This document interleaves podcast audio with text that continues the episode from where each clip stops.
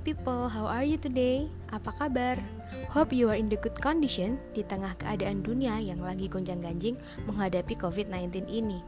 Nah, good people, uh, seperti yang kita tahu beberapa ta- uh, beberapa waktu lalu nih, kalau di Jakarta lagi menghadapi PSBB lagi atau dengan kata lain di Jakarta lagi PSBB season kedua. Nah, menurut kalian PSBB itu perlu nggak sih sebenarnya dilakukan? Nah, kalau aku sih ya, kalau PSBB aja tuh kayaknya kurang efektif. Kenapa? Karena seperti yang kita tahu, PSBB itu merupakan bentuk pencegahan dari luar aja dengan menerapkan pembatasan sosial atau pembatasan interaksi antar individu. So, kalau mau lebih efektif, tentu ada cara lain juga yang bisa diterapkan, seperti peningkatan daya tahan tubuh nih misalnya. Kok bisa? Kenapa? Jadi, kalian pasti pernah dengar dong kalau dengan daya tahan tubuh yang kuat atau dengan daya tahan tubuh yang baik bisa melawan virus dan bakteri yang masuk ke dalam tubuh. Terus gimana sih caranya untuk meningkatkan daya tahan tubuh? Nah, caranya itu yang pertama kita bisa dengan olahraga teratur. Yang kedua dengan menjaga kebersihan. Dan yang ketiga yang ini paling penting sih dan paling dibutuhin dan pastinya dibutuhin tiap hari yaitu makan makanan yang bergizi. Nah, asupan makanan yang bergizi itu kayak gimana sih? Nah, kalau kalian penasaran, stay tune.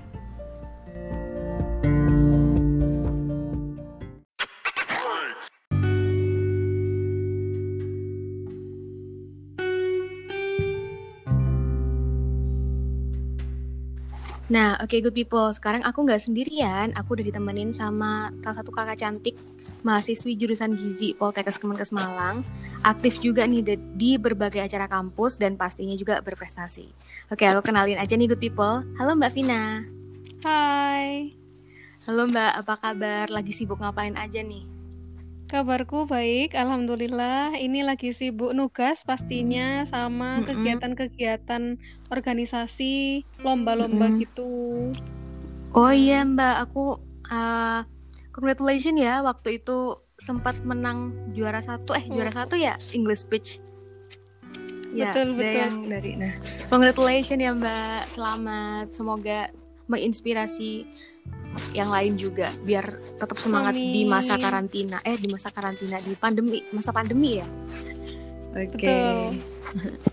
boleh dong mbak cerita sedikit tentang lombanya kemarin dikit aja oke okay. alhamdulillah jadi kemarin tuh dikasih kesempatan untuk mengikuti lomba itu uh, atas pengajuan dari koordinator kemahasiswaan dari Gizi nah mm -hmm. karena aku awalnya nggak pengen ikut mm -hmm. uh, karena ditawari aku merasa kayak dihargai banget gitu akhirnya aku bikin mm -hmm. teks aku usahakan maksimal mungkin soalnya juga pengen banggain si koordinator ini bener-bener mm -hmm. ada harapan lebih gitu jadi mm -hmm. aku persiapannya lumayan full aku ingatanku juga harus full ya pas speech soalnya mm -hmm. kan ngobrol sekalian sama mm -hmm. direkam nah habis yeah, itu uh. uh, setelah satu bulan nunggu pengumuman tuh akhirnya diumumin kalau dapat posisi pertama alhamdulillah ya Cak. alhamdulillahirabbil alamin nyumbang uh, kejuaraan nih buat kampus pastinya oh iya, iya Mbak kalau boleh tahu apa sih yang di apa tema apa yang diambil sama Mbak Vina pas lomba itu oke okay.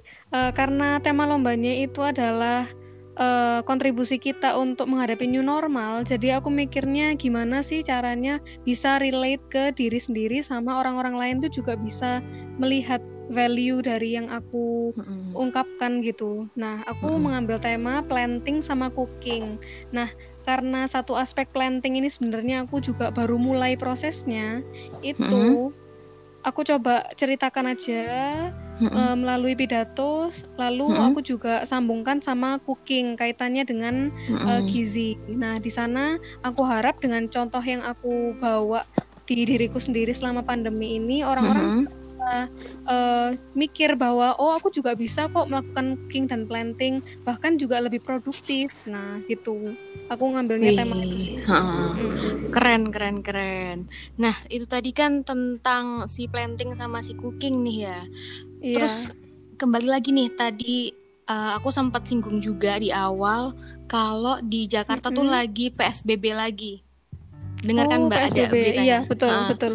Nah, ceritanya di Jakarta lagi PSBB season kedua. Kalau menurut Mbak Vina sendiri, perlu nggak sih sebenarnya dilakukan PSBB lagi? Atau efektif nggak kalau cuman dilakuin PSBB gitu aja?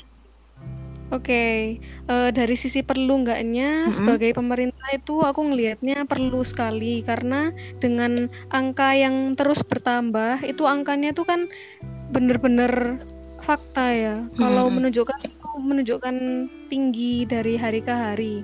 Nah, Hmm. karena kita menemukan banyak sekali pemecahan masalah dan yang paling efektif itu sekiranya mengestop semua orang untuk berkegiatan secara massal. Mm-mm. Nah, itu mungkin yang dipikirkan pemerintah that is the only way to stop or Mhm. eh, mengurangi eh, kejadian-kejadian terpapar yang berlebih. Nah, Iya. itu PSBB.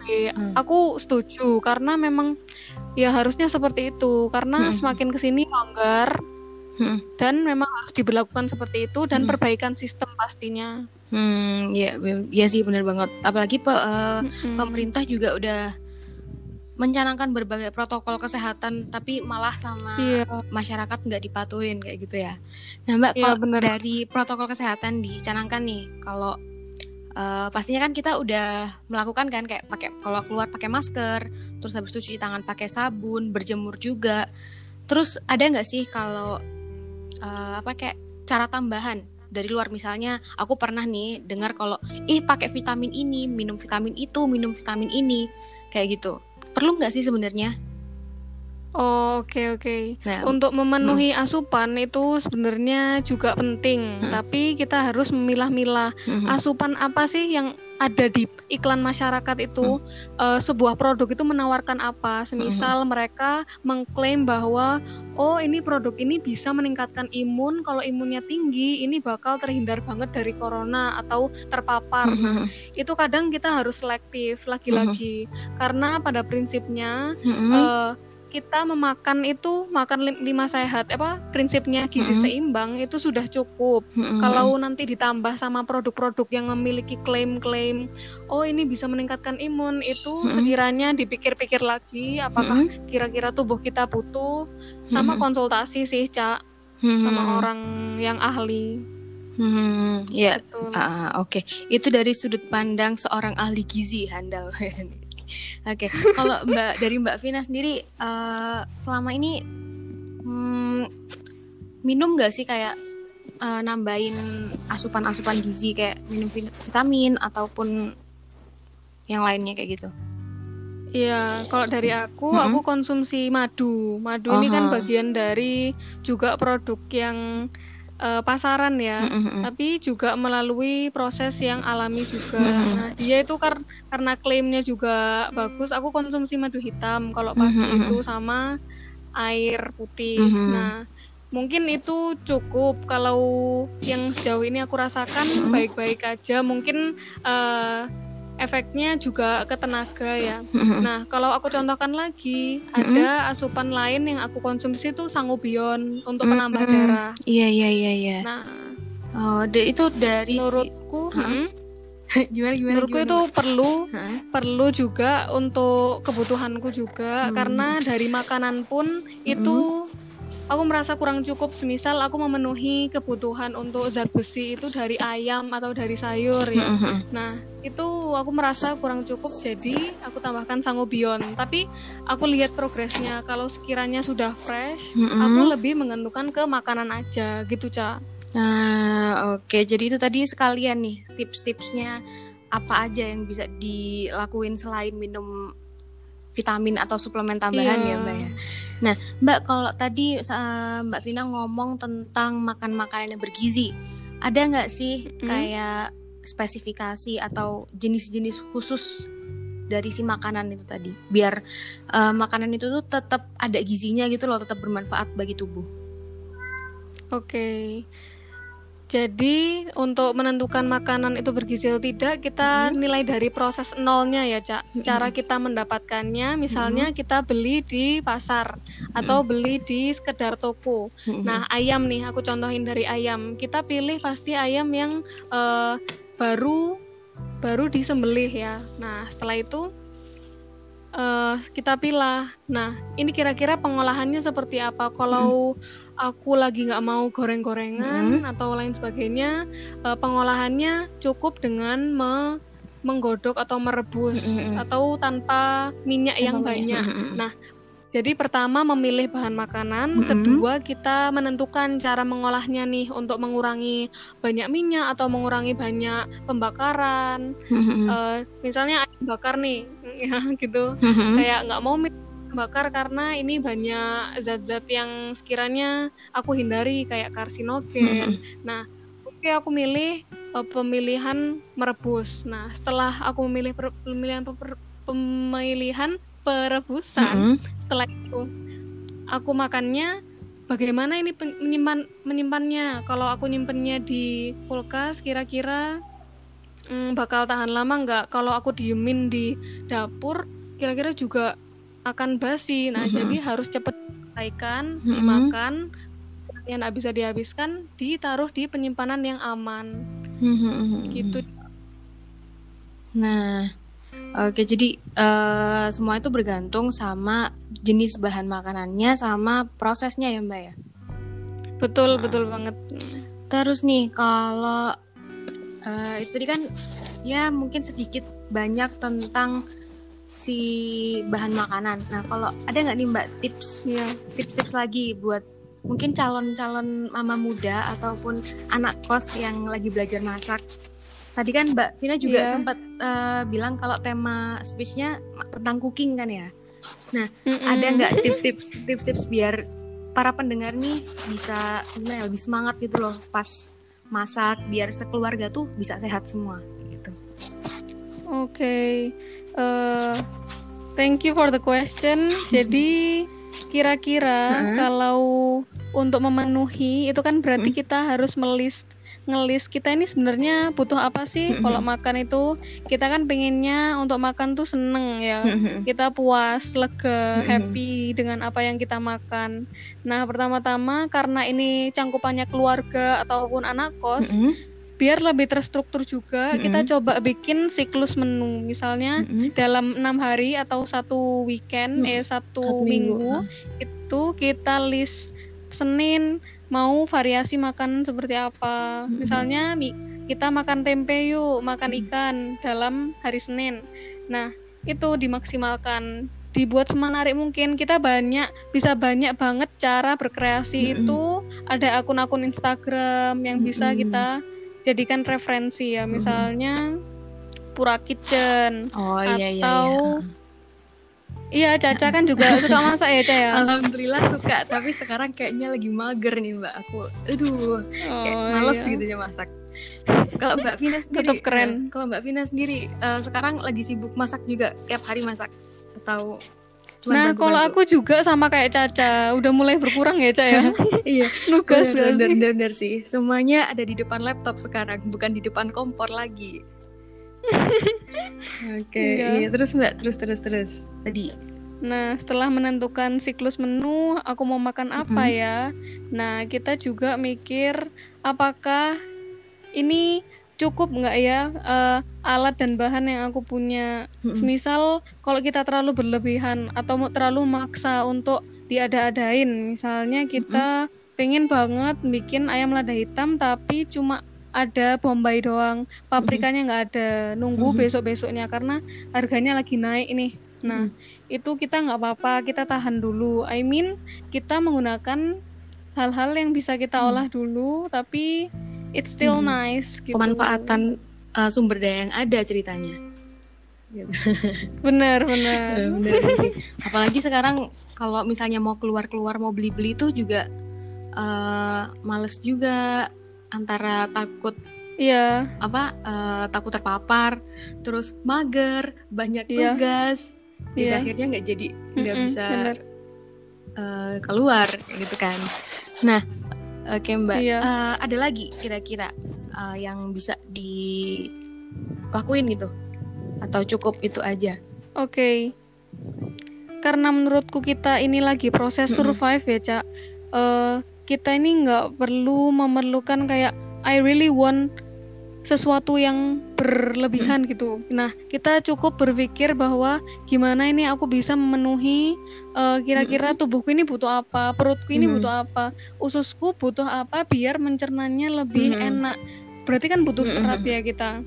Usahakan karena ini juga pepaya lagi musim oh, iya, atau bener, sekedar uh, mangga atau jeruk itu walaupun kita awalnya terpaksa buat makan tapi diusahakan aja nggak apa-apa uh, we love food because kita juga butuh di tubuh hmm. ini memberi zat gizi ke tubuh tubuh jadi lebih gitu, ke aja. manfaat dari si makanannya ya daripada nurutin aku uh, nurutin pengennya lidah pengennya mulut kayak gitu ya, iya. ya mm -mm. nah mbak kan dari tadi udah ngomongin soal makanan yang bergizi dan uh, cara pengolahannya juga terus dari manfaatnya sendiri nih bener nggak sih kalau makan makanan yang bergizi itu tadi bisa berpengaruh ke daya tahan mm -hmm. tubuh nah aku butuh nih penjelasannya mm. secara apa ya dari sudut pandang seorang ahli gizi kayak gitu apa sih pengaruhnya sama tubuh sama daya tahan tubuh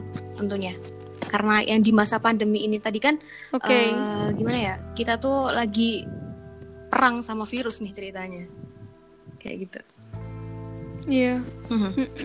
bener-bener banget mm-hmm. jadi cak uh, aku sebagai mm-hmm. perspektifku ahli gizi bakal bilang kalau mm-hmm. memang berpengaruh banget apa yang kita makan dengan apa yang kita keluarkan atau output mm -hmm. dari yang kita makan. Semisal as simple as kita makan mm -hmm. uh, telur ya, telur ceplok. Nah, itu kan berarti kandungannya misalnya ada energi yang banyak juga dia di sana juga lemaknya cukup buat memenuhi mm-hmm. kebutuhan satu hari atau sekedar oke okay, I eat mm-hmm. telur berarti kecukupan besi mm-hmm. untuk hari-hariku juga mm-hmm. insya Allah cukup Nah, tapi Cak, kita juga mempertimbangkan setelah asupan itu ada dua aspek yang lebih penting untuk surviving mm -hmm. di pandemi ini. Uh, karena aku juga mm -hmm. belajar dari live live IG ya, Cak. Yang pertama itu mm -hmm. pola tidur sama pola oh, pikir. iya iya iya iya. Iya. Pola tidur sama pola pikir, ha. Jadi gimana, Mbak? Mm -hmm. Iya, tadi yang kita makan hmm? itu masuk, tapi mm-hmm. on how we prosesnya kita prosesnya itu sekiranya nggak bisa lancar karena mm-hmm. pola tidur dan pola makan karena itu dua hal yang mm-hmm. mempengaruhi metabolismenya mm-hmm. kita kita mm-hmm. makan telur ceplok itu tapi nanti pengolahannya gimana itu akan diatur lebih oleh ah, tidurnya kita iya, iya, iya. misalnya empat jam nah itu tuh bakal oh. berpengaruh juga mm-hmm. kok masih kerasa nggak enak ya walaupun udah mm-hmm. makan si telur ceplok ini mm Nah, itu tetap jadi dari aspek yang lain ya Mbak dari uh, pola tidur sama tadi pola apa tadi satunya lupa. Ah ya pola, pola pikir. tidur sama pola sih, pikir. Apalagi sekarang uh, kalau dihubungin sama aktivitas pastinya sering begadang nggak sih Mbak gara-gara ngerjain tugas. relate, Bener. relate sih, relate. Iya. apalagi mahasiswa mahasiswa nih yang dikejar deadline tiap hari sarapannya Google Classroom sarapannya Zoom. makan Betul. malamnya Zoom, bukan makan nasi ini, makan Zoom. Uh, terus habis itu ya stres juga sih ya mbak ya kadang-kadang kalau mikirin ih tugasku banyak tugasku banyak aduh ada nggak mbak cara cara buat nge-manage iya. mungkin dari mbak Vina sendiri cara nge-manage uh, waktu buat tetap produktif tetap uh, aktif tetap gimana ya tetap dalam apa di di apa gimana ya kalau bilangnya tetap tetap produktif lah ha, tetap uh, konsisten tetap uh, konsisten, tetap konsisten atau... tadi oke okay. ya jadi selama mm-hmm. pandemi ini yang aku pelajari itu biar tetap mm-hmm. uh, terstruktur nah, atau konsisten kayak tadi itu itu aku lakukan menulis menulis apa aja yang harus aku kerjakan dalam satu minggu misalnya dalam satu mm-hmm. uh, kertas HVS itu mm-hmm. aku bagi empat ca aku bagi empat misalnya Oktober nih minggu pertama itu kan kita mulai dari 1 Oktober mm-hmm. sampai 4 Oktober hari ini nah terus kita lanjut Hmm. dengan minggu kedua minggu ketiga keempat nah itu tuh aku plot plotin apa yang harus aku kerjain dalam Mm-mm. dalam satu minggu dari 1 Oktober itu nah Mm-mm. kalau udah selesai nih ca aku centang dan rasanya ngecentang tuh bener-bener kayak kayak, satu lega banget satu satu beban udah Habis lolos gitu ya iya terus mbak terus Nah.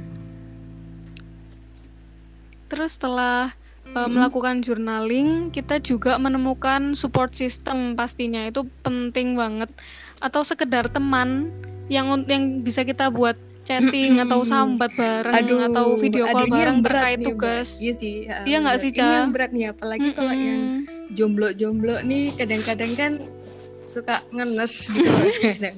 Nah kalau Mbak Vina sendiri jomblo nggak nih Mbak? oh Aduh, Menarik, menarik. biar ke sana nih. kalau dari aku hmm kayaknya lagi Waduh. into someone deh cak Oke, gitu aku kayaknya tahu nih siapa. oh ya viral. viral viral Ah, oke. Iya sih benar-benar kalau misalnya butuh banget support system apalagi ya itu tadi yang Mbak Yasin, eh, Mbak Vina bilang pola pikir tadi biar nggak stres kita pasti butuh seseorang yang bisa ngedukung. Bener banget sih. Oh, betul Hah? betul Iya, monggo, Tapi monggo. izin ngomong juga kalau nggak selamanya bisa Mm-mm. menggantungkan Bener, diri iya ke sih. orang lain nggak sih? Kayak kita Mandiri, harus tetap ya itu tadi journaling sih itu yang Mhm. buat buat kita sendiri Iya iya jurnal benar benar gitu. sih. Apalagi kalau misalnya mungkin kok pas journaling bisa sambil hand lettering atau dihias-hias gitu bisa biar eh, pikiran pikirannya biar Bisa agak banget. tenang, mm-mm. agak rileks gitu ya Mbak ya. Nah, Iya. oke. Iya. Jadi Mm-mm. ternyata untuk menjaga kesehatan itu sebenarnya nggak susah-susah ya Mbak ya. Bisa dari hal-hal kecil seperti makanan tadi, terus Iya. pola pikir, pola tidur juga. Nah, terus makanan ini kalau diolah dengan benar pasti membawa manfaat yang besar bagi diri sendiri dan berdampak juga bagi orang lain tentunya. Hmm.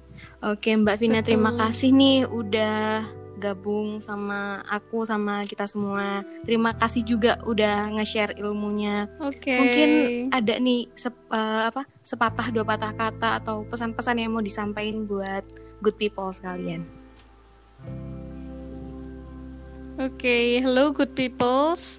Eh, sepertinya makan itu penting ya, tapi yang harus kita tekankan tadi Mm-mm. pola pikir dan pola tidur, dan juga kalau makan itu ada konsep Waduh, namanya keren mindful atau memaknai makanan kita. Jadi kita makan itu Mm-mm. dengan enjoy, itu bener-bener bener-bener bagus deh buat tubuh. Coba di eh, dikunyah itu dengan Mm-mm. enjoy gitu aja sih, Cak. Nah, dari aku. Tadi apa mindful? Eh, apa tadi, Mbak? Oh, mindful. Oh, mindful. Mindful. Oke. Sorry, agak error soalnya kupingnya ini. Yes. Oke, keren, keren, keren banget. Sumpah. Ini Alright. inspiring banget sih sosok salah satu sosok inspiring buat aku banget, Mbak Vina. Oke, Mbak Vina, terima kasih banyak. Sekali lagi terima kasih. Jadi eh, semoga ilmunya selalu bermanfaat dan bisa jadi orang yang bermanfaat juga bagi orang lain atau gimana ya? Bisa Amin. sukses ke depannya Mbak. Semoga sehat selalu dan ya itu dia semoga sukses. semoga ya amin. Iya. Caca juga jadi Waduh, keren. Boleh, yang amin, hebat amin. banget.